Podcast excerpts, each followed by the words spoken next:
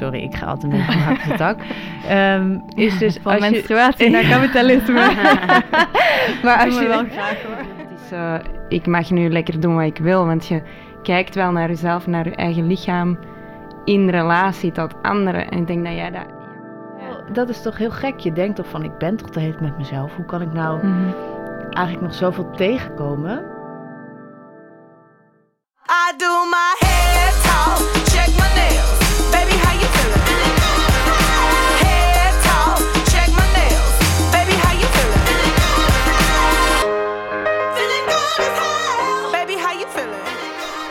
Als ik aan het woord trots denk, dan denk ik vooral aan de zin: ik ben trots op je.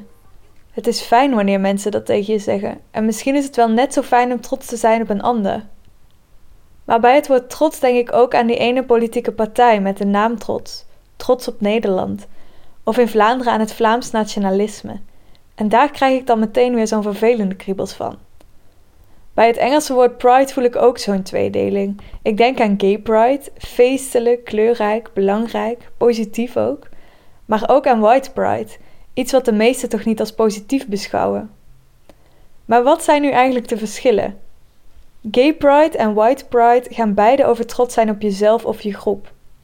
Wat betekent het om trots op jezelf te zijn? Is dat houden van jezelf? En wat is zelfliefde dan? Overdreven zelfliefde beschouwen we als narcistisch of egocentrisch. Maar zelfliefde is ook iets heel positiefs. Zelfliefde wordt gepropageerd in popcultuur door iconen als Beyoncé of Lizzo, die bijvoorbeeld als moeder of als volle vrouw laten zien dat ze super sexy zijn, alleen al door zichzelf lief te hebben. In het boek Soms is liefde dit las ik de zin: De grens tussen verstandige verbinding met jezelf zoeken en alleen maar aan jezelf denken is akelig dun. Hoe zoek je die verbinding met jezelf? En wanneer ga je te ver? Je luistert naar Kluwen.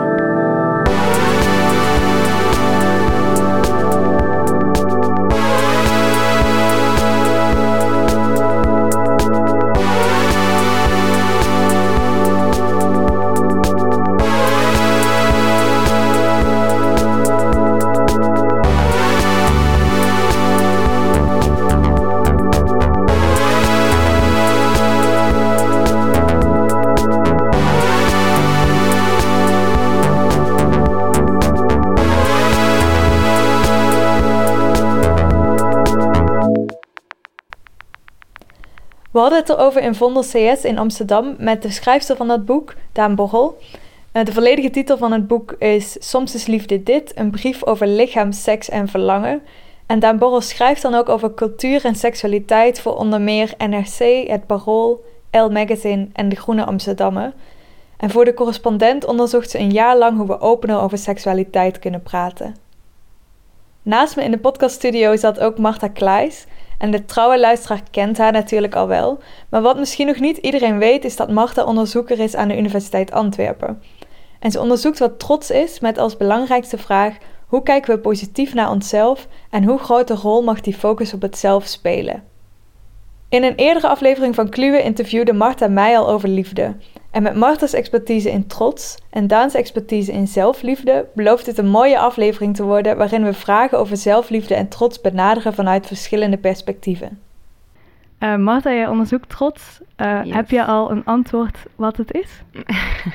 Ehm, ja, ik zit in de helft van mijn doctoraatsonderzoek, dus ik ga je ook halve antwoorden geven, als dat goed is. Ehm, nee, ik, heb, ehm, ik ben aan het doctoraat be- begonnen vanuit de vraag die jij ook stelt in de inleiding. Ehm, wanneer trots eigenlijk goed is en of trots een eh, positieve emotie is of eerder eh, ons in de ethiek de verkeerde richting opstuurt.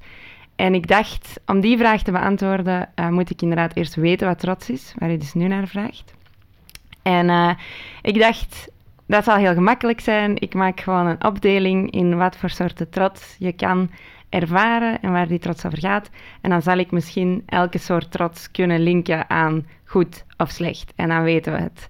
Eh, dat was natuurlijk niet zo gemakkelijk. Maar om op uw vraag te antwoorden wat trots is, kan ik wel die opdelingen eh, die ik heb gevonden of heb gemaakt ehm, voorstellen. En die geven mij of ons misschien wel tools om dan verder na te denken over wat dat, betekent voor het goed of slecht zijn van trots. Dus ik heb gemerkt dat ehm, alles wat wij trots noemen, gelinkt wordt door een eh, idee van zelfappreciatie. Dus het zelf erkennen op een manier, eh, het zelf positief beschouwen op een manier. Maar wat er dan onder valt, is heel uiteenlopend. Ehm, het eerste waar we misschien het snelst aan denken als we eh, heel alledaagse voorbeelden van trots in ons hoofd halen, zoals trots zijn op, ehm, ik weet niet, als je een wedstrijd wint of, eh, een trotse mama op haar kind.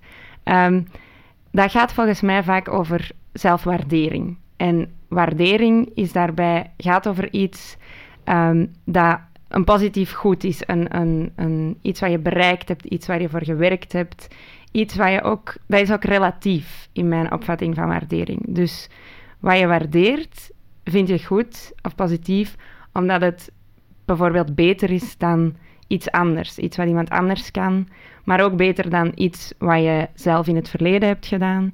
Dus uh, het goed dat wordt geapprecieerd kan beter of slechter zijn.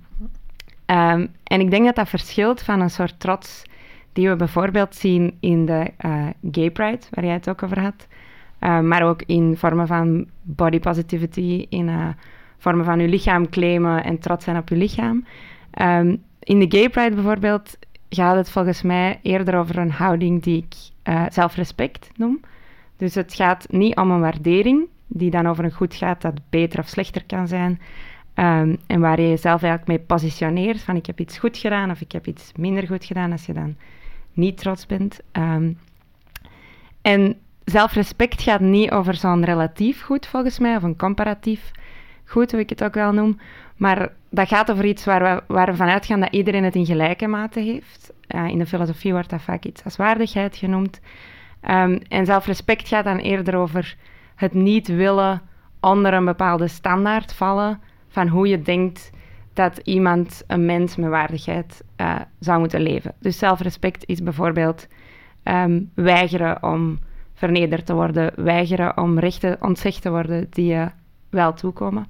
En de laatste... Mag ik wat vragen? Ja, is dat dan hetzelfde verschil um, als trots zijn op dingen die je uh, gedaan hebt, of acties die je hebt ondernomen, of uh, dingen die je hebt overkomen of zo? In ieder geval dingen die je kunt doen, en zelfrespect dan uh, trots zijn op wie je bent? Um, of is dat niet hetzelfde? Ja, er wordt in de filosofie vaak een onderscheid gemaakt tussen um, trots zijn op iets, dat eerste wat je zei, wat eerder een soort um, tijdelijke emotie is. Dus je hebt iets gedaan en dan ben je daar trots op. En een trots persoon zijn. En dat gaat dan inderdaad eerder over iemand die zichzelf met een bepaalde attitude draagt. Um, en ik denk dat dat tweede inderdaad dicht bij zelfrespect uh. Ik ben nog niet zeker of het dat dan altijd zo is, want dat heeft ook te maken, die trots persoon zijn, met de derde soort van zelfappreciatie die ik uh, ook zie in wat wij trots noemen. En dan komen we bij ook het onderwerp vandaan die naast mij zit. Um, want ik denk dat we ook vaak met trots een soort van zelfliefde bedoelen. En zelfliefde en zelfrespect onderscheid ik van elkaar door te zeggen dat zelfrespect een soort um, passieve houding is, van iets niet over je laten komen. Um, van, oh, dat kan ook wel actief zijn, want je kan ook actief dus die rechten opeisen. Is, uh, bijvoorbeeld Rosa Parks, die van voor in de bus gaat zitten, uh, volgens mij handelde die ook uit een zekere trots, maar dan een trots als zelfrespect. Zij wilde... Uh, zij vond zichzelf even waardig als de andere mensen die op die bus zaten. En van daaruit nam, ondernam zij wel een actie. Maar het gaat wel om een soort van iets niet ontzegd willen worden. Terwijl zelfliefde volgens mij veel meer gaat om een, um, een open en geïnteresseerde houding naar jezelf toe.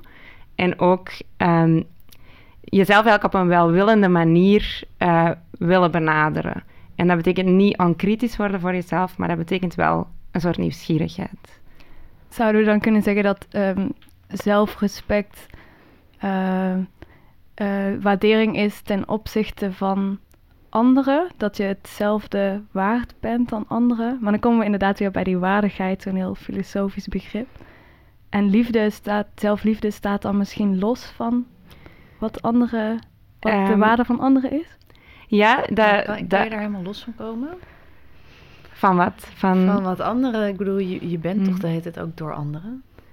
Ja, maar ik denk wel dat dat, dat onderscheid een punt maakt in de zin dat respect volgens mij wel gaat over een soort gelijkheid. En Mhm. ik mag hetzelfde als anderen.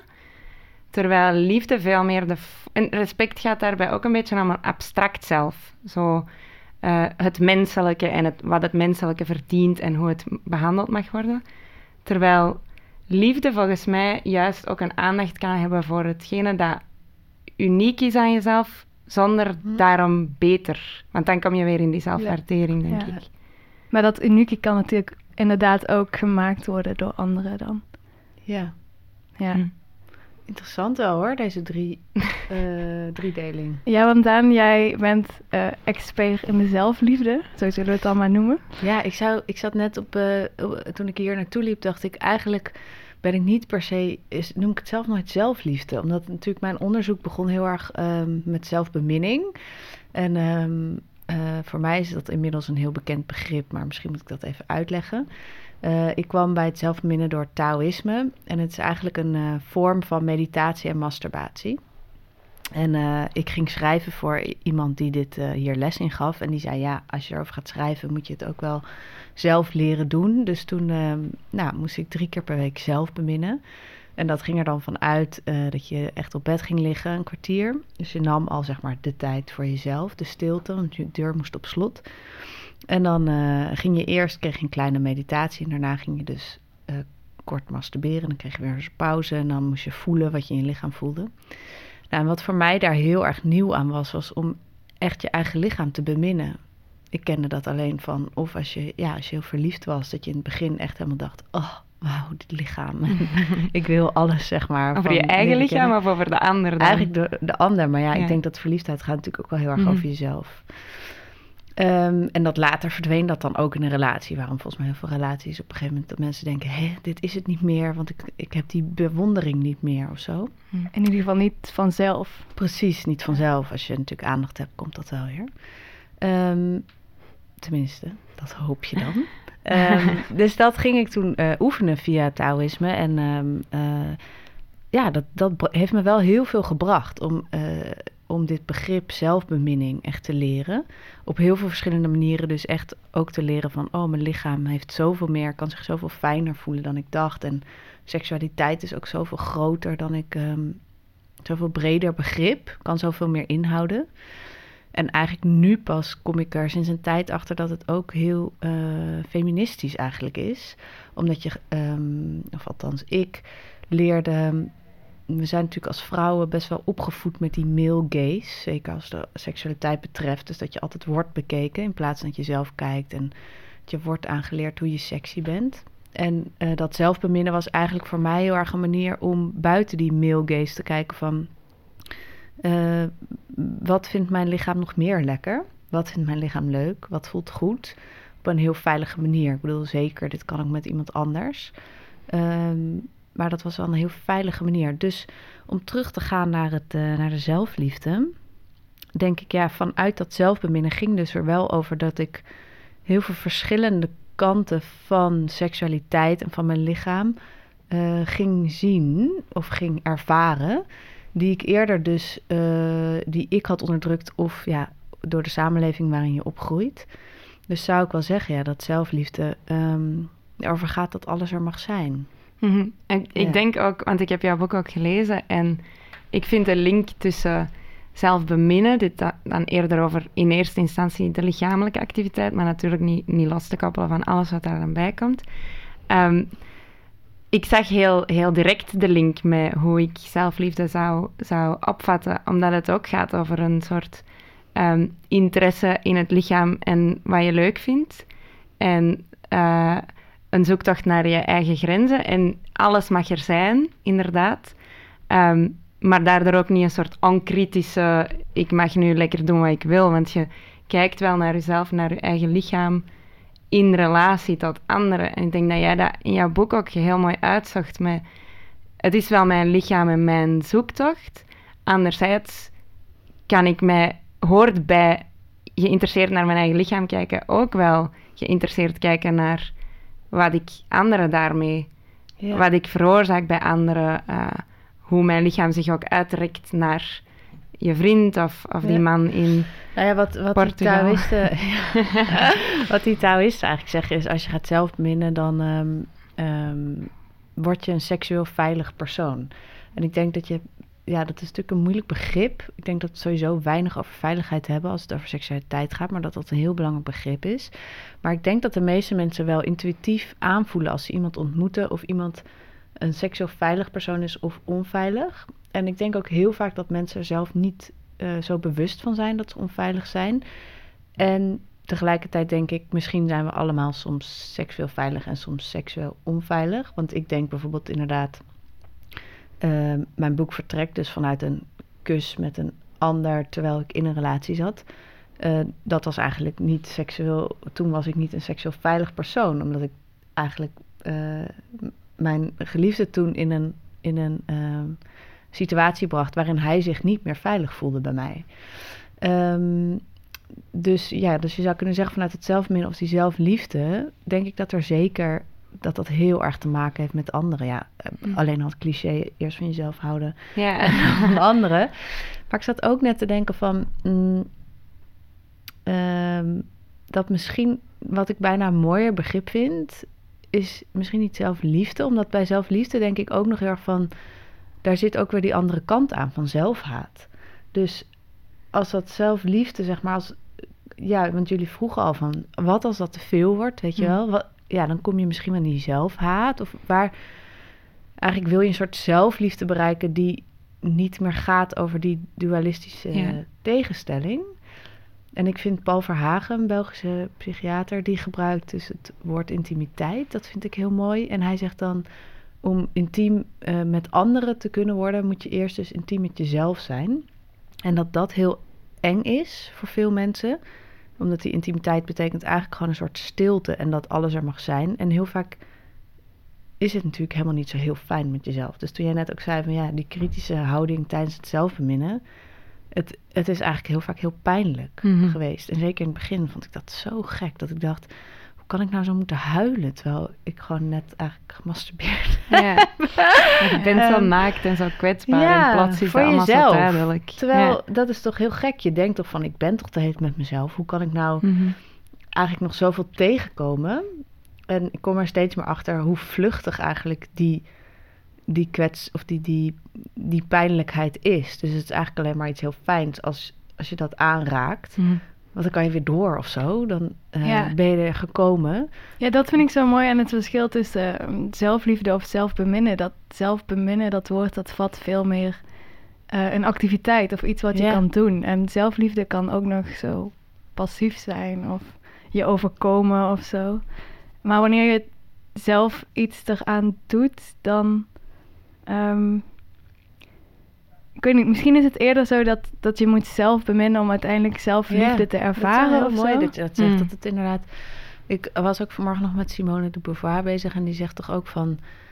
eh, om vrij te zijn is gewoon een handeling... die je elke dag moet uitvoeren, weet je wel? Mhm. En dat is denk ik misschien ook wel met zelfliefde. Maar ja, ik weet ook niet. Zijn er, heb jij in je onderzoek gevonden dat er meerdere wat manieren zijn om, om daar dan actief elke dag mee bezig te zijn? Dat wouden we eigenlijk aan jullie, aan u Oh. vragen. Nee, maar ik, Ja. ik ben een beetje bang, of ik, ik zoek zelf ook een beetje naar die grens van enerzijds zeggen we dat zelfliefde een activiteit is en je moet het elke dag doen enzovoort.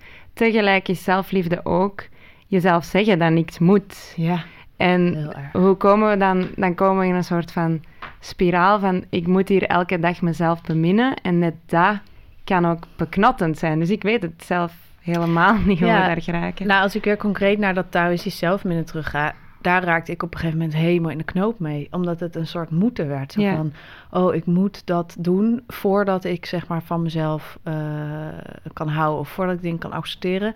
En ook bij andere mensen. Dus dat ik dacht bij vriendinnen... ja, ik snap wel dat jij je zo voelt... want eh, je, hebt, je, hebt bemin, ja, je doet niet aan zelfbeminnen. Terwijl op zich hoeft die, pers, die ene handeling natuurlijk niet... een soort voorwaarde te zijn. Maar ik denk wel dat, of wat ik bij mezelf merk is, ehm, het leven kan zo complex zijn dat ik constant een soort regeltjes wil. Dus bijvoorbeeld dan ga ik, eh, ik doe yoga en kickboksen, maar dan die eerste periode met het kickboksen denk ik, nou kijk, dit werkt, weet je wel, ik word hier vrolijk van. En dan wordt het weer een soort moeten. eh, ik moet dit twee keer per week doen, want anders voel ik me niet goed. Mhm. En dat is, eh, dat vond ik, wat er eigenlijk zo mooi is aan dat zelfbeminnen, en wat volgens mij ook Paul Verhagen heel erg zegt, is dat het ehm, gaat over een soort stilte eigenlijk. Een soort stilstaan. Hm. En dat vond ik ook heel eng dus aan dat zelfbeminnen, dat je in die stilte of even die rust neemt. Ik bedoel, ik ben ook vaak zo gehaast. We zijn allemaal gehaast en druk. Ehm, en die stilte is heel eng, maar ik denk wel dus dat dat moet niet een moeten worden, maar ik denk wel dat het daar een beetje in zit. Zo van, Maar dan krijg je dus weer dat moeilijke van ik moet stil zijn of ik moet. Ja. Kijk, als je drie En- dagen alleen maar aan het rennen bent, dan moet je dat misschien ook gewoon accepteren en ook Mm. niet tijd denken, ik zou eigenlijk ehm, even moeten gaan mediteren. Ja, wat ik ook zo interessant vind aan zelfliefde of, of zelfbeminnen, ehm, is dat het voor mij ook helemaal geen politiek neutraal begrip is. Je had het Nee. er juist al over dat je zelfbeminnen ook een soort feministische daad kan zijn. Ja, Ehm, en dat denk ik ook met het ontwikkelen van liefde voor jezelf, van die, van die open houding, van acceptatie van jezelf. Ehm, ik denk dat dat voor bepaalde eh, groepen in de maatschappij veel minder een obstakel is dan andere. Eh, bijvoorbeeld als we het terug hebben over, over zelfbeminnen, over masturberen. Bij man zit alles tamelijk duidelijk. Ik bedoel, het is redelijk duidelijk wat je met zo'n ding moet, moet doen als jongen, als je opgroeit. En het is niet zo Ja. dat er dan geen de, die debat over moet zijn of dat er geen gesprekken over kunnen zijn.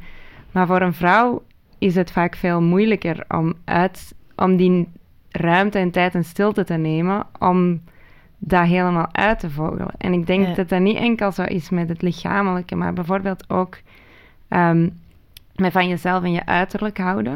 Ik moet nu denken aan ehm, een speech die ik ook heel vaak in mijn onderzoek al ben tegengekomen van Malcolm X, die tegen een groep jonge zwarte mensen praat en zegt: ehm, Who taught you to hate yourself? Who taught you to hate the color of your lips and your skin and the shape of your nose?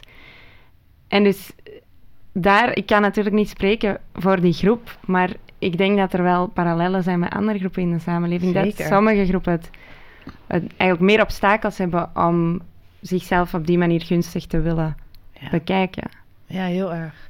En ja, dus waar, waar onderdrukking is, ehm, is minder zelfliefde. En ik denk uiteindelijk, als je hier dus achter komt, dat zie ik ook bijvoorbeeld bij sommige homoseksuele vrienden van mij, die zich heel erg eigenlijk hun hele lichaam de boodschap te horen hebben gekregen: jij mag er minder zijn, of Mhm. delen van jou mogen er niet zijn, hoe je je beweegt. Of Of schaamte voelen Eh, voor wat. Precies, ja. Eh, maar zodra zo iemand daar dan doorheen gaat en dat helemaal heeft onderzocht van wat is die schaamte, wat ligt er bij mij, hoe kan ik dat eh, constateren bij mezelf, wie brengt dat op, dat daar zulke eh, eh, mensen uitkomen die wel zo erg van zichzelf houden. En dan klinkt dit dus weer, zich van zichzelf houden, klinkt het toch weer een beetje plat, vind ik elke keer. Mhm. Denk ik toch weer een beetje aan een soort... Ja, Ja. narcisme bijna, of arrogantie. Ja, of zo van alles wat ik doe is wel goed. of zo. Of Ja. zo. Ja, Nee, terwijl... ik denk dat het, om, juist omdat het zo'n activiteit is, kan het iets zijn wat je altijd kunt blijven doen. Dus het- je bent Ja. dan niet Mm. af of zo. Nee, er is Als je een soort eindpunt van zelfliefde, Nee. denk ik. Nee. Het is inderdaad elke dag weer. Ja. En als het aflijkt, als het, als het dan wordt bij iemand, ik ben hier of hier of hier zo geweldig in, dan is het misschien, valt het misschien eerder onder die categorie zelfwaardering opnieuw, in plaats van liefde. Ja. Dat je dan weer eh, op het niveau zit van, wat kan ik goed, waar ben ik beter in dan andere Ja. mensen. Ehm, maar dat dat een heel andere houding is. Maar denk je dan dat die zelfwaardering, dat die te maken heeft met die zelfhaat? Ook? Ehm, Want als je natuurlijk iets beter kan dan iemand anders. Als iemand zegt, ik ben trots op je dat je dit hebt gedaan. eh, dan, kan, dan kan het Ja. dus ook zijn dat je minder goed bent dan anderen. Ja. Of minder slank bent. Of... Ja, ik heb ook veel nagedacht over wat dan de, de, de omgekeerde zijn of zo van die, van die ehm, eh, manieren van jezelf appreciëren. En ik heb schaamte eigenlijk altijd geplaatst bij de, oftewel de tegenpol van zelfliefde. Eh, dus daar waar je eigenlijk niet meer naar jezelf wilt kijken en niet Mm. meer geïnteresseerd wilt zijn in jezelf, maar je ogen afwendt eh, en ja, daar dus ook geen, geen liefde meer voor kunt opbrengen voor dat deel van jezelf. Of bij een afwezigheid van zelfrespect. Eh, als in, je schamen omdat je iets laag hebt gedaan. Iets wat dat je niet van jezelf had verwacht. Maar ik had het eigenlijk nog nooit bij de tegenpol van zelfwaardering geplaatst. Ik weet ook niet of zelfhaat en schaamte Nee. hetzelfde is natuurlijk. De tegenpol van zelfwaardering had ik altijd gedacht is een, eh, is een laag eh, zelfbeeld, een laag zelfvertrouwen. Denken dat je alles slecht kan. En misschien is dat inderdaad wel zelfhaat. En ja, onzeker, geen hè? zelfverzekerdheid, inderdaad. Mm. Ja. Ja. Wat, wat, wat ik nog steeds heel moeilijk vind, is dat ik ehm, ehm, een soort, zeg maar, ik denk dat wat ik een leuke kwaliteit vind aan mezelf en ook gebruik in mijn werk, wat jullie ook hebben, is eh, dat je onderzoek doet eh, naar dingen en dat je dingen bevraagt. Ehm, maar wat een valkuil daarvan is, is dat je eigenlijk alles onzeker maakt. En ik merk dat ik dat dus eh, in mijn werk doe, maar ook met mezelf. Dus als iets niet goed lukt, eh, laat ik zeggen een paragraaf schrijven of een alinea bedoel ik, ehm, dat ik dan of meteen denk, nou, dit hele boek is ook kut, eh kan ik beter mee stoppen.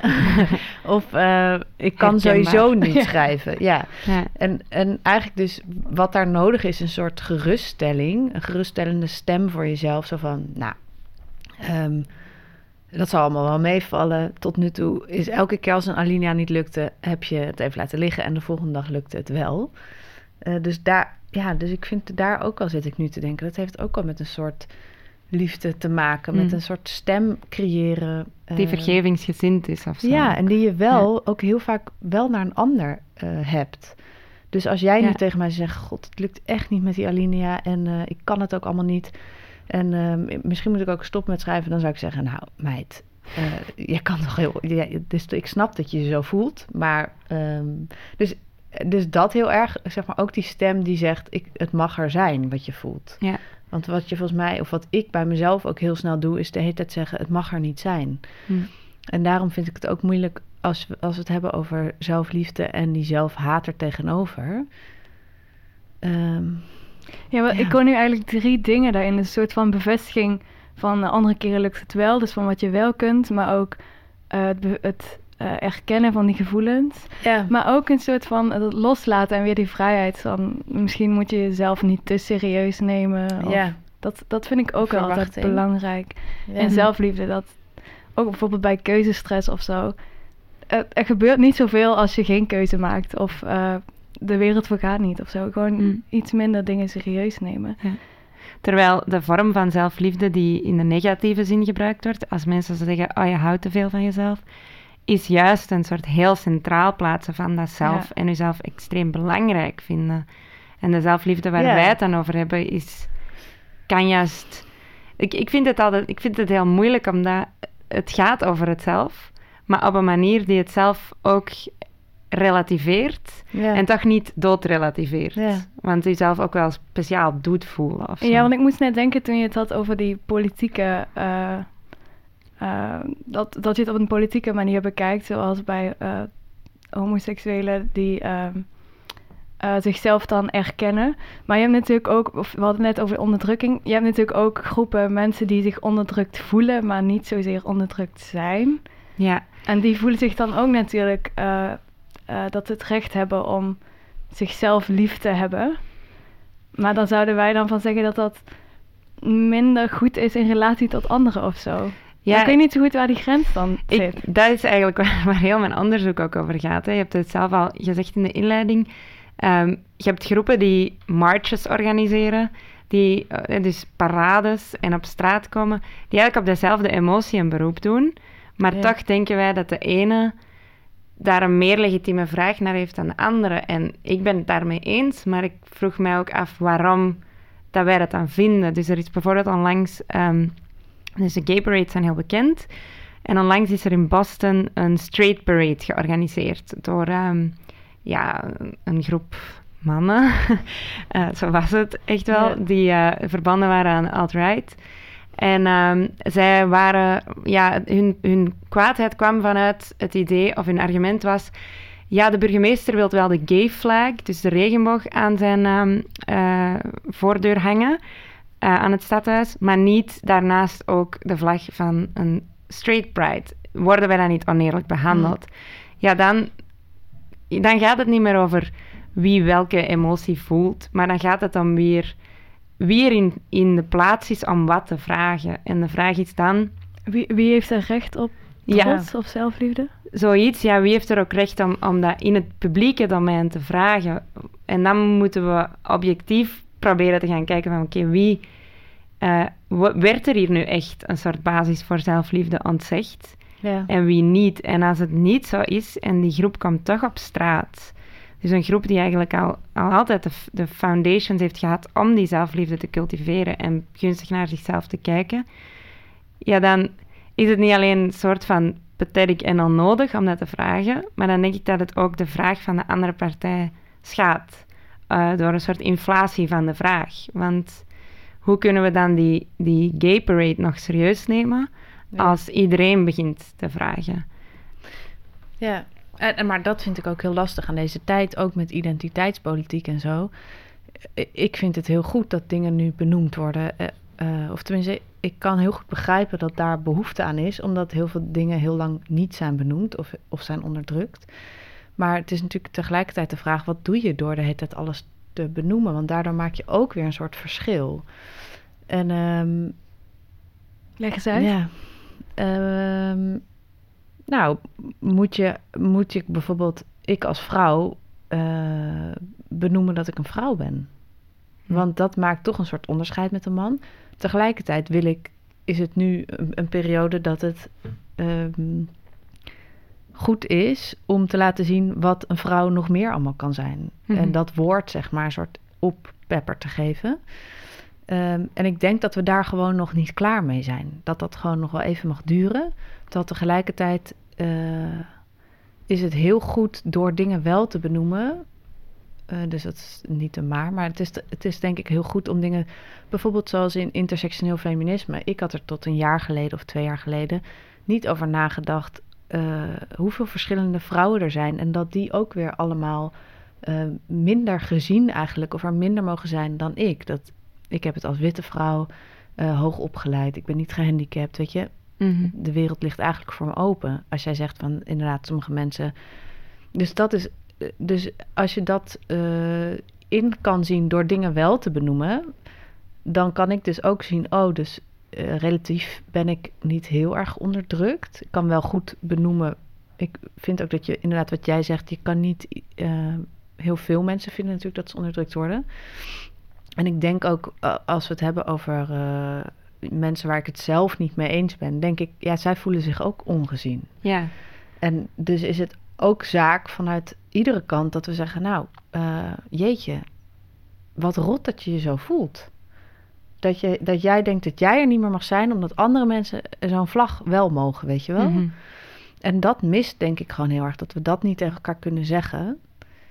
Maar dat Mhm. snap ik ook alweer, want ik ben ook alleen maar boos op Ja, de vraag is dan natuurlijk hoe meegaand Moet je je daarin moet zijn, het moeilijke- zonder ook ja. de andere vraag terug achter te stellen, door alle vragen serieus ja. te nemen. Het moeilijke vind ik wel dat ik het idee heb dat de mensen of de groepen die eigenlijk in de geschiedenis eh, onderdrukt zijn, dat zij nog groter moeten zijn door als eerste te zeggen: Ik zie jou ook. Ik snap bijvoorbeeld met mannelijke vrienden die ik heb, als ik daar discussies over heb over feminisme, dan kan ik nog best wel bij hun voelen dat ze dan zeggen: van ja, maar eh, als jij bijvoorbeeld als er een boze toon ontstaat, dat ze eigenlijk zeggen van: eh, maar moet het nou weer zo boos? Of Hm. en daar komt natuurlijk ook heel erg een onzekerheid bij kijken. Dat zou ik in één keer denken, ja, Jezus, wat eh, heb ik het altijd dan fout gedaan, weet je wel? En dan vind ik het wel moeilijk dat het dus opnieuw dan bij de, degene ligt die, eh, die zich al kwetsbaar Ja. opstelt. Om nog een keer te zeggen van, eh, ja, ik zie jou ook. Ik snap dat jij je onzeker voelt, maar ik hoef Ja. niks van jou te pakken. Tegelijkertijd wil je ook erkenning. misschien... Ja, Ja, maar wat ik ook wel een belangrijk deel van zelfliefde vind, is dan ehm, kunnen erkennen dat je misschien iets fout hebt gedaan of iets anders precies. toch op zijn minst hebt ingezien. Ja. En het Ja. gaat dus denk ik ook wel echt over zelfliefde als je tegen een ander kunt zeggen van... eh, dus bij mij, als ik het, dit voorbeeld, eh, eh, hoe noem je dat, mee doorga... dat je wel tegen iemand kan zeggen... ik snap dat jij je nu onzeker kan voelen door wat ik zeg... maar ik ben niet nu meer dan jij. Omdat ik verdien niet nu meerdere dingen dan jij. Mhm. een, meer banen of weet ik het. Alleen ik wil het ergens over hebben. En... ehm, Hm. dat vraagt wel veel. En ik snap ook wel dat mensen. Ja, Ja. dat er een soort. Iedereen voelt zich ehm, verdrukt of zo. Of bedreigd. Bedreigd. zijn gewoon met te ja. veel die allemaal een stuk van de cake willen. Maar ik Ja. denk dat Lotte bedoelt ook dat... Het, het gaat echt inderdaad van zelfliefde van jou dan om te zeggen... eh, om op een rustige manier begrip te tonen voor die Ja. ander. En ook wel te weten dat er... eh, niemand ontkent dat een man nu ook op de toppen van zijn tenen moet, moet lopen. Ik bedoel, Nee. ik kan me voorstellen dat dat niet altijd gemakkelijk is. Maar het getuigt ook van zelfliefde van jouw vriend dan, denk ik, om naar zichzelf te kunnen kijken en te proberen in te schatten waar dat hij staat en ehm, waar dat jij staat, relatief. Ja. Ja. Het zijn maar in het daarover hebben is denk ik, eh, het gaat dan over waardering, hoe verschillende groepen gewaardeerd worden. En wat mij altijd Ja. helpt in die discussies is om te bedenken en om, om een keer te benadrukken dat in de ideale wereld het inderdaad geen zin heeft of gepast is om het te hebben over wie eh, meer gewaardeerd Precies. wordt dan Ja. iemand anders of zou moeten worden. Maar we worden nu eenmaal, we hebben andere plekken in deze samenleving. Ik heb een andere plek dan een man. En een zwarte vrouw heeft weer een andere plek Ja. dan ik. En daarom is het dan weer wel nuttig om daarover te praten, over hoe mensen gewaardeerd Ja. worden. In, Maar in dat- de filosofie is, eh, ehm, is er Appia, die, vert- die, zegt, die noemt dat strategic essentialism. En ik vond dat een heel Ah. nuttig begrip. Dus strategisch essentialisme. Ah. Dus hij zegt eigenlijk, al die categorieën bestaan inderdaad niet. Hij heeft een heel boek waarin hij zegt, eh, kijk, ras, dat is iets wat we niet meer kunnen afbakenen. Ook, ook gender. Eigenlijk, als je erover nadenkt, is er niet zoiets als de vrouw en de man. Nee. En dat doet hij heel overtuigend, maar hij eindigt het boek door te zeggen, maar dat essentialiseren van een ander kan wel nog op dit moment strategisch zijn. Strategisch om in te zetten daar waar dat het in het verleden gebruikt werd om te onderdrukken. Ja, ja, ja, ja. Oh, dat is heel mooi, ja. Ja, en, en wat ik nu net ook zat te denken toen jij dit zei, misschien gaat dus wel dat strategisch inzetten, gaat om een soort waardering laten zien en waar, waar geen en wel zelfwaardering is. Maar dat is dus iets anders dan zelfliefde. En misschien is het moeilijke in discussies dat die twee met elkaar eh, door elkaar heen gaan lopen. Terwijl ik kan natuurlijk wel Ja. zeggen, eh, ik hou van jou, maar ik vind het niet zo leuk dat je dit doet. Ja, maar daarom denk ik dat, dat de, de vraag waar het om gaat, zeker van de groepen die, die nu nog maar een stukje van de cake krijgen, juist niet om waardering gaat. Ik denk, ik denk dat het een misconceptie is dat die groepen eh, meer applaus willen krijgen of zichzelf hoger op de ladder willen zetten. Maar zij vragen juist naar eh, respect enerzijds, dus een soort gelijkheid, waarin dat... Dat zou eigenlijk geen bedreigende vraag moeten zijn, want er wordt dan van de anderen niks afgenomen. Terwijl als die wel waardering zouden vragen, dan zou, zou de rest gelijk hebben om zich bedreigd te voelen, misschien. Omdat er dan minder voor hen is of zo. Maar dat is niet, niet de vraag die, eh, die blijkt. Ik denk dat er gevraagd wordt naar respect en naar de mogelijkheden om zelf ook tot zelfliefde te komen. Dus bijvoorbeeld zichzelf op een bepaalde manier in de media zien die niet negatief is. Door geen Ja, schaamte aan Ik denk ook om een bepaalde ehm, soort van backlash te vermijden. Bijvoorbeeld eh, zwarte vrouwen die duidelijk uiten dat ze van zichzelf houden, die krijgen veel meer negatieve reacties daarop dan witte mannen. En ik denk dat, dat daar ook een eh, dat dat ook nog een onderdeel is van waar mensen om vragen. En ook terecht. Om, ik. om van zichzelf te mogen houden. Ja, precies. Zonder daar eh, vervelende reacties op te krijgen. Mhm.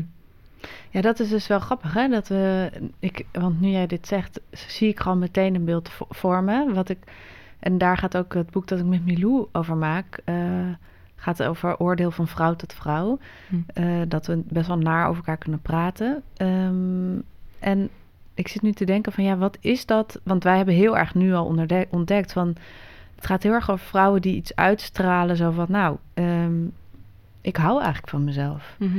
En dat men, daar wordt zo eh, hard op gereageerd. En komt dat dan, denk je, jullie, omdat je omdat het gewoon bedreigend is dat een ander van zichzelf houdt? Of- Ik denk dat het er ook wel iets mee... Dat het niet zomaar een ander is. Ik denk dat het ermee te maken heeft dat degene die die liefde voor zichzelf claimt, Ja, net een vrouw is. ja, En dat we misschien Een eh, bepaalde jaloezie of zo bedoel je? Nee, ik bedoel dat we dat van vrouwen minder snel pikken. Ja. Omdat we die veel sneller eh ijdel gaan noemen. Of, of Ja. eh, dat, het, dat het niet de plaats is van de vrouw om van zichzelf te houden, maar die moet eigenlijk van de ander houden en zorgend zijn. En ik Ja, bedoel, ja, dat vinden ja. we allemaal actief Ja. niet meer, hè. Maar Nou ja. dat is wel iets wel diep. nog... Ja. Ja. Eh, en ik denk dat, dat vrouwen zich daar dan ook eigenlijk, of ik probeer dat toch bij mezelf, om mij daar heel bewust van te maken. Telkens als ik jaloezie voel, eh, wat ik vaker heb bij een vrouw dan bij een man, ook alleen al omdat ze harder op me lijkt natuurlijk. Maar ik denk dat er ook iets in zit van dat nog steeds een soort diep geworteld idee dat een, dat een vrouw dat niet mag of zo. Ja. Zo zelfzeker zijn, zo Ja. sterk in haar schoenen. En daar probeer ik echt tegen te vechten om dat te voelen. En ik denk dat het ook heel belangrijk is als jullie zo'n boek schrijven samen. En dat het dan gaat over hoe vrouwen er voor elkaar kunnen zijn. Ja, elkaar- en waarom ze er Ja. vaak niet zijn. Ja, en niet, niet alleen voor elkaar zijn, maar ik merk ook dat wanneer ik mezelf lief heb, als ik goed in mijn vel zit en ik ben zelfverzekerd, dan ervaar ik die jaloezie niet. Of Ja, toch minder. dus- en wanneer ik die wel ervaar is eh, wanneer ik PMS heb of ongesteld moet worden Ja. en me heel onzeker voel of iets dergelijks. Maar dat is ook, dat is ook wat die, eigenlijk die vrouwen die we hebben geïnterviewd, die wij zien dat zij heel erg te maken krijgen met oordelen van, eh, vooroordelen van andere vrouwen, heel veel haat. Is dat zij zelf dus eigenlijk niet zo vooroordelen. En die vrouwen zeggen ook van ja, kijk, ik moet er eigenlijk een beetje om lachen dat iedereen dit over mij zegt. Want iedereen die mij ooit in het echt ontmoet heeft, die vindt mij gewoon aardig. Ik ben Mm. gewoon een vriendelijk persoon. En dat is natuurlijk nog moeilijker. Ja. Dat die vrouwen niet Ook leuk is. Ja, dat ze ook Dat nog eens leuk is, is. ook Ja. eens leuk. ik wou Ja. dat ik ze kan haten. Ja. Ik vond dat heel confronterend toen ik een documentaire zag over Sylvana Simons. Oh, ja. Eh, en eh, ik, ik weet nog dat zij in het begin dat zij op tv kwam en bij De Wereld Draait Door, dan mijn eerste reactie, onbewust denk ik ook, ik dacht daar niet eens zoveel over na, was ook van hè, irritant, schreeuwen, et Ja. cetera. En daarna heb ik me steeds meer in verdiept en ook wat zij schrijft en met de politieke partij. En toen zag ik die documentaire en dan zegt ze ook dat er vaak mensen op haar afkomen die dan zeggen... eh, oh, maar je bent eigenlijk een heel lief persoon. Of je bent eigenlijk heel grappig. en ik Alsof dat vond verrassend zo- is. ja. alsof dat verrassend is. En ik vond dat ook wel heftig, omdat ik me ook besefte dat eh, Mhm. de eerste indruk eh, van haar bij mij was ook iets heel negatiefs. Ja. Terwijl zij eh, eigenlijk gewoon zegt waar ze voor staat. Ja, we hebben in, in Vlaanderen, omdat de podcastluisteraars Ja, van zo. overal komen, hebben wij ook zo'n voorbeeld van een vrouw die, jullie kennen de slimste mens wel, geloof Ja, ik. ja, ja. Dat is een format dat ook hier bestaat. Maar daar had een vrouw, was echt tweede geworden of zo, heel hoog gescoord. En eh, die heette Linda de Win. eh, toevallig de Win. ja. Ze had bijna gewonnen. En eh, ja, iedereen vond dat zij heel streng was op die show. En dat zij heel competitief was. En Oh ja, zij ging dan dichter bij het scherm zitten, omdat ze de, het beeld niet goed kon lezen. En iedereen vond dan dat ze zich aanstelde. En daar is echt een extreme backlash inderdaad over gekomen. Waarom ontstaat al die, die haat voor iemand die Ja. eigenlijk precies hetzelfde doet als de man naast Ja. haar. Maar ik vraag, ja, ik vraag me dan af hoe zelfliefde ons daar dan bij kan helpen of zo. Nou om ja, daar dus- verder in te geraken. Nou, als ik dus kijk naar die voorbeelden van die vrouwen die zichzelf, die dus wel van zichzelf houden en vervolgens niet dus anderen weer terug gaan zitten vooroordelen en Mm. oordelen. Ja, dan, dan denk ik toch wel bij zelfliefde dat. Maar ik wilde heel graag iets op terugkomen wat jij ook net zei. Sorry. Nou ja, en wat ik ook nog wel wil terugkomen is wat jij net zei over dat PMS. Want daar gaat eigenlijk mijn eigen volgende boek over. Ehm gaat heel erg over, het heet het eh, jaar van het nieuw verhaal. En ik onderzoek eigenlijk hoe je eh, als schrijvende, hoe je vast kan zitten in een verhaal over jezelf. En dat heeft denk ik eigenlijk ook nu wel met zelfliefde te maken, merk ik. Eh, en het gaat, doet heel erg onderzoek naar menstruatie. Want ik was ook altijd met PMS gewoon tien dagen helemaal van de kaart. Zo boos, zoveel spanning, zo moe eigenlijk, constant moe en alleen maar in bed willen liggen en iedereen haten. En eh, dat is natuurlijk ook een bepaalde vorm van onderdrukking. Dat wij, de meeste vrouwen hebben een wisselende hormoonspiegel. eh, en dat is anders dan de meeste mannenlichamen. En daar is gewoon eigenlijk nooit ruimte voor geweest. Het is niet echt bespreekbaar. Terwijl als je dat helemaal toelaat en helemaal accepteert, ehm, veranderen zelfs ook nog die hormonen. Want hormonen zijn gewoon een soort samenspel met je gedrag. Het is helemaal niet los. Ehm, en hoef je dus helemaal niet meer zo boos te zijn in die PMS. tijd. Interessant. Ehm, dus gaat het ook weer over een soort van loslaten van het verhaal wat je moet zijn als vrouw. Dus Mm. altijd die leuke opgewekte vrouw die het meedoet. In plaats van dat je ook gewoon zegt van nou, ik heb nu zo'n... eh, mijn hormonen zijn op dit moment zo... Ik voel me zo moe. Ik blijf gewoon een dag in bed. Eh, en dan komen we eigenlijk ook weer terug bij die Paul Verhagen over. Dus dat je inderdaad vaker die stilte Hm. moet opzoeken. Ja, ik heb ook wel Ja. door het lezen van meer feministische essays of boeken... dat je een ander verhaal voor jezelf kan neerzetten inderdaad... waardoor je meer van jezelf gaat houden. Maar voor ehm, menstruatie of zoiets zijn er nog zo weinig woorden, lijkt het Ja, wel. Ik bedoel, en heel ongesteld, wat is dat, Dat voor komt woord? een- Ik ben niet gesteld. Ja, dat komt dat dat toch is een ook omdat we, omdat we die interesse in, in hoe wij functioneren niet voldoende hebben gecultiveerd en daar misschien ook niet de mogelijkheid Nee. Ja. toe hebben gekregen. En de zelfliefde hand, is, ja. zou juist dat dan kunnen zijn. Dat je daar woorden voor zoekt, dat je dat wilt onderzoeken, Ja. dat je dat wilt uitvoelen, hoe dat Ja, dan... en tegelijkertijd moeten die woorden dan ook weer niet te dwingend zijn. Precies. of zo. Van, geen als je hokjes waar je ongesteld dan weer... moet je eh, in bed gaan liggen. Ik Ja, bedoel, totaal niet. Maar ik merk nu al wel als ik eh, dat allemaal, dat het er wel eh, mag zijn, dat ongesteld zijn in één keer best wel bijzonder is, omdat je zo soort van transcendent bijna wordt. Dus Hm. je kan juist bepaalde dingen heel erg goed. Ik kan in één Ja. keer, ja, echt een soort van eh, inzicht dat ik denk, nou, wat is hier aan de hand? En dan ik gewoon. Zoals, voorbeeld, voorbeeld. Eh, nou ja, echt als ik dan eh, ongesteld word en dan voel ik, denk ik nu wel van, nou, als, ik, als het zo is, dan mag ik gewoon in bed blijven. Omdat ik merk dat ik dan heel een beetje grieperig eigenlijk ben. Heel ja, broeierig bijna of zo. En ehm, laatst had ik dus, toen dacht ik, nou, ik wil eigenlijk wel, moest ik iets belangrijks afmaken waar ik maar de hele tijd niet uitkwam. Toen dacht ik, weet je, ik ga gewoon in bed daarmee beginnen. En toen kwam het zo allemaal naar me toe. Dus toen dacht ik echt, ik heb ook wel eens laatst was wave. ja. Laatst las ik ook een keer een artikel dat iemand er zelfs helemaal een soort drugsachtige ervaringen van ongesteldheid kreeg. Nou, ik weet het allemaal niet. Best maar goed, een superpower. ja, Ja, maar we weten het allemaal niet. Want ik bedoel, eh, je bent eh, meteen ook zweverig natuurlijk als je dit soort Mm. dingen zegt. En ehm, Ja, maar je gaat En- het ook niet weten wanneer je zelf alleen maar je eigen dingen projecteert. En, En als je gewoon loslaat als, en luistert en voelt, probeert te voelen Mm. wat je voelt, dan kom je misschien nieuwe dingen te weten. Maar het is zo moeilijk om dat verhaal af te schudden. Want ik bedoel, ik weet ook zelf niet hoe ik daaraan moet beginnen. Want er is zo, dat verhaal is niet iets wat ik enkel over mezelf vertel. Maar het is ook wat ik overal rond mij ooit heb gezien. Over hoe Ja. vrouwen die ongesteld zijn dat alleen maar vreselijk vinden. En eh, daar liefst ook vanaf willen. En als je zegt als vrouw dat je je menstruatie eigenlijk als iets heel bijzonder ervaart, dan is dat weer niet feministisch genoeg. Of er zijn zoveel Ja. verhalen die daarop inspelen. En een beetje om aandacht vragen of zo. Of een beetje Ja. zo. Ja, maar misschien is dat ook al wat jij zegt met van Sylvana, dat we haar dan zien in zo'n show en dat je heel graag een stempel op iemand wil plakken. En Ja. ik bedoel, het mag ook nog steeds, mag, de stik, mag zij de sticker schreeuwerig hebben. Ik bedoel, als dat niet jouw manier van praten is. Maar dus de hele tijd dat, dat we de hele tijd één kant willen kiezen. Dus zeg maar, of iemand Ja. is boos.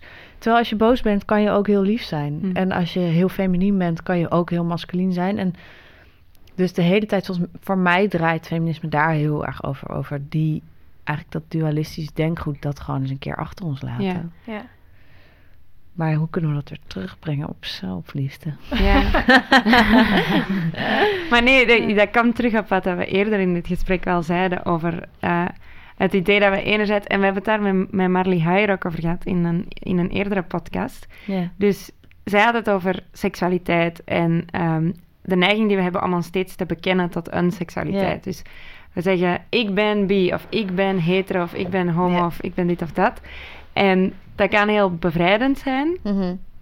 wanneer dat die labels ook nog nodig zijn om politieke bewegingen in gang te zetten, of, of weet ik veel, of op ongelijkheden te wijzen.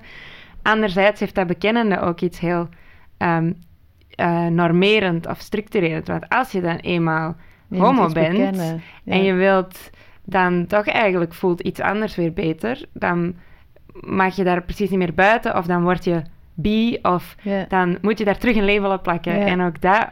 Eigenlijk is dat hetzelfde als dat kickboksen, dan moet dat. Ja. Ja. Dan heb je dat ja, voor je jezelf. zit weer bij een soort verwachting en een soort verhaal kom je in. Maar dat eh, iemand anders, Ipe de Boer, heeft ook eh, laatst een heel mooi boek geschreven, vond ik, over seksualiteit. Een filosofisch boek over seksualiteit. En ehm, hij zegt eigenlijk, wat ik heel mooi vond, is... bijvoorbeeld met seksualiteit denken we heel vaak, eh, het is buiten het denken. Maar hij laat eigenlijk zien dat het heel erg samengaat met het denken. En hij zegt, we zitten wel heel erg vast in ons moderne manier van seksualiteit beleven. In de zin van dat het toch allemaal, of je nou tantra gaat doen of naar een pornobeurs gaat, het heeft allemaal wel heel erg met het ego te maken. Mm. Ehm, met die zelfwaardering dan dus. Met Mm. iets beter. Want als vaak ook bijvoorbeeld als iemand dan tantra doet, voelt diegene zich ook weer een soort verheven boven Ja, de rest. Terwijl Ik heb het beste orgasme. Precies. ja. Ehm, en dat is heel moeilijk uit ons te krijgen. Maar, eh, want hij gaat dan, laat eigenlijk allemaal stromingen zien ehm, uit andere tijden en andere culturen. Hoe ze seks eh, ook bijvoorbeeld heel erg met het goddelijke hebben gezien. Of eh, seks heel erg als transformatief. Ehm, maar daar moest je natuurlijk ook wel allemaal in geloven. Dus het gaat wel heel erg ook weer samen met dat, met iets bedenken hoe je. Ja, ik vind het nu heel moeilijk Mm. om uit te leggen, maar. Mm. ehm, Ja, dat vind ik vooralsnog de moeilijkste vraag, ook in mijn doctoraat. Eh, hoe, hoe doen we dat dan om wel met onszelf bezig te zijn? Ja. Op een manier die ons ten goede komt en die we willen aanmoedigen. Maar tegelijk toch ook weer ons ervoor hoeden dat dat ego het niet overneemt. Ja. En dat we onszelf te centraal plaatsen. Eh, want zelfs in, in de zoektochten naar zelfbeminnen, zoals jij nu benoemt, komen we toch terug heel gevaarlijk dicht bij het gaat om mij en om mijn orgasme en om ik moet plezier hebben. Ehm, ja, daar ben ik nog Nou, niet uit. nee, ja, ik, als ik, ik denk wel dat het uiteindelijk gaat over toch ook verbinding maken met anderen. En als je gewoon heel goed, of heel goed, dat klinkt meteen weer dus zo waarderend. Maar als je aandachtig bij jezelf Mm. kunt zijn en zeg maar kunt voelen van wanneer heb ik een reactie op de buitenwereld, wanneer raak ik gespannen bijvoorbeeld, ehm, dan krijg je een hele andere verhouding met de buitenwereld, met anderen om je heen, die denk ik veel zachter is. Mm. Wat heel Ja.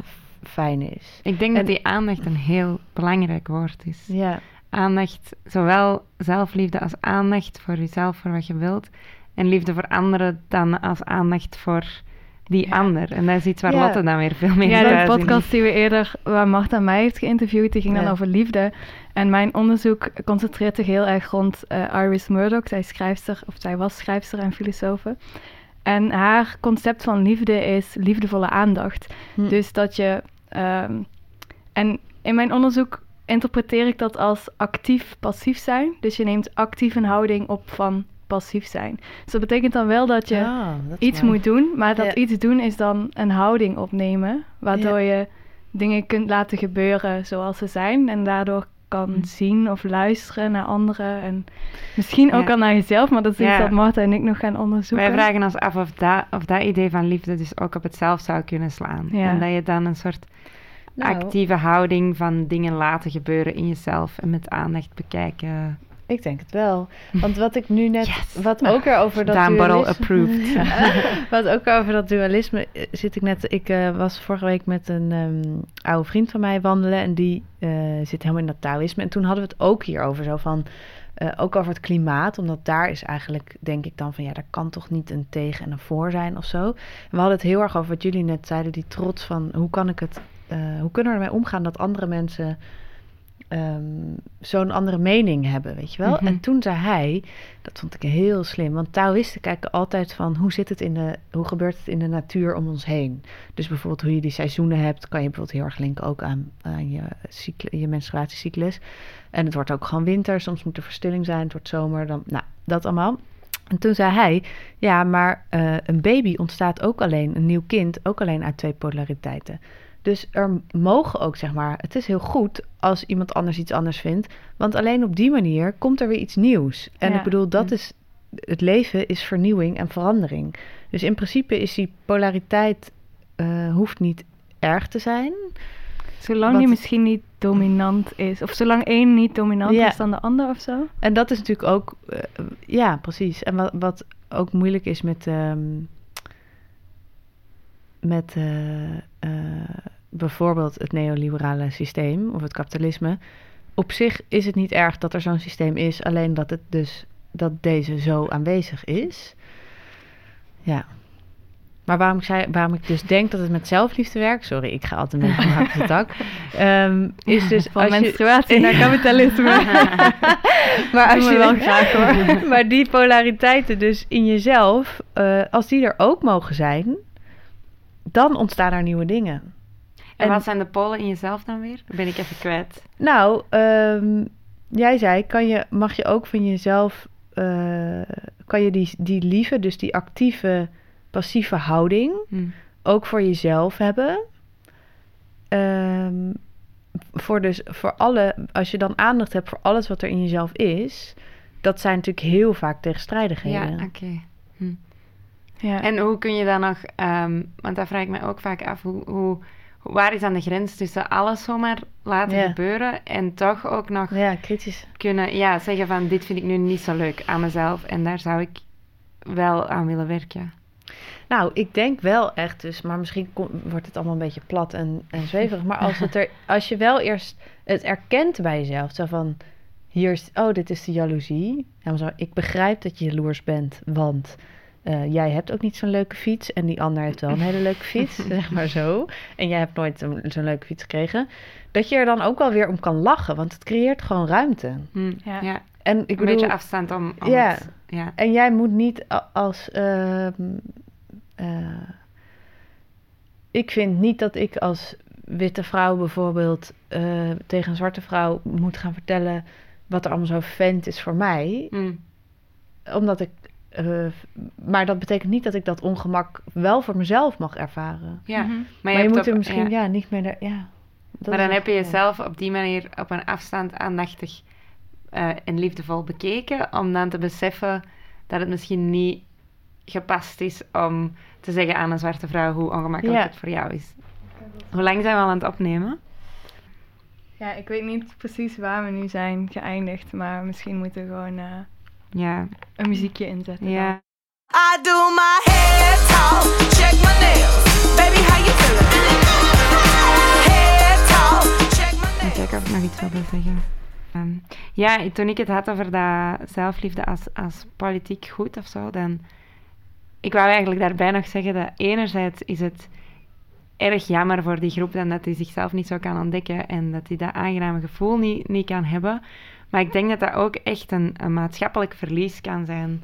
Eh, omdat je dan eigenlijk een hele groep van de samenleving zichzelf veel minder laat ontwikkelen. Die dan Ja. ook veel minder ehm, bijdraagt aan de maatschappij of veel minder de kans krijgt om zich te ontplooien en zo ook een veel diversere, aangenamere maatschappij te maken. Ja. Ja. En dat is iets wat dat, ehm, de filosofen Mill en ehm, Mary Wollstonecraft al honderden jaar geleden zeiden over het verlies dat we eigenlijk hebben door, door vrouwen hun eigen capaciteiten niet te laten ontdekken. Omdat je dan nooit weet wat er daaruit zou kunnen komen. En vanaf dat dat gebeurt, vanaf dat je vrouwen aanmoedigt om dat te ontdekken, eh, zijn er, hebben- is er gewoon gebleken dat al die vrouwen gewoon evenveel en hetzelfde kunnen als al die mannen. En Ja. hebben we eigenlijk de capaciteit van de, de mensen veel vergroot. Ja. Ja. ja, ik moest Het- er net ook aan denken toen jij het over die polariteit had. Dat polariteit goed is, want dan kan er iets nieuws eh, gecreëerd worden. En misschien waarom we die eh, straight pride of zo dan niet goed vinden, is omdat juist die nadruk op die groep die al al die privileges heeft, zorgt er een beetje voor dat die andere stem niet meer gehoord Ja, wordt. precies. Mhm. Dat is die soort van Ja. inflatie van, van Ja. de vraag dan of zo. Ja, Ja, en dat is. En ja, en dat, dat. Want wat voor mij dat zelfliefde of die zelfbeminning eigenlijk het meest heeft gebracht, is gewoon alternatieve kanten van mezelf. Alternatieve verlangens en eigenschappen die ik dacht dat ik helemaal niet in me had. En dat is zo, eh, dat is zo verrijkend. En dat gun je gewoon ieder mens. Ja. En dat maakt mij, denk ik, ook een leuker mens voor anderen. Dus inderdaad een leukere samenleving. Maar de vraag is natuurlijk wel van. eh, uit ja, hoe, hoe, ehm, hoeveel ruimte geven we nu aan mensen die lange tijd bepaalde kanten moesten onderdrukken? Hm. Hoeveel ruimte krijgen zij om. Want uiteindelijk wil je natuurlijk ook wel uitstijgen boven dat jij en ik. En dat eh, subject en object. Weet je, dat je het gewoon allemaal tegelijk kan zijn. Ja. Maar als je zo lang object bent geweest, dan moet je ook wel even goed oefenen in subject zijn.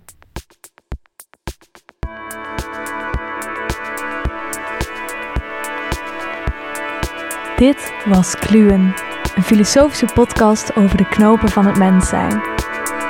Bedankt aan onze gasten en aan Anne Lucassen voor het beeld.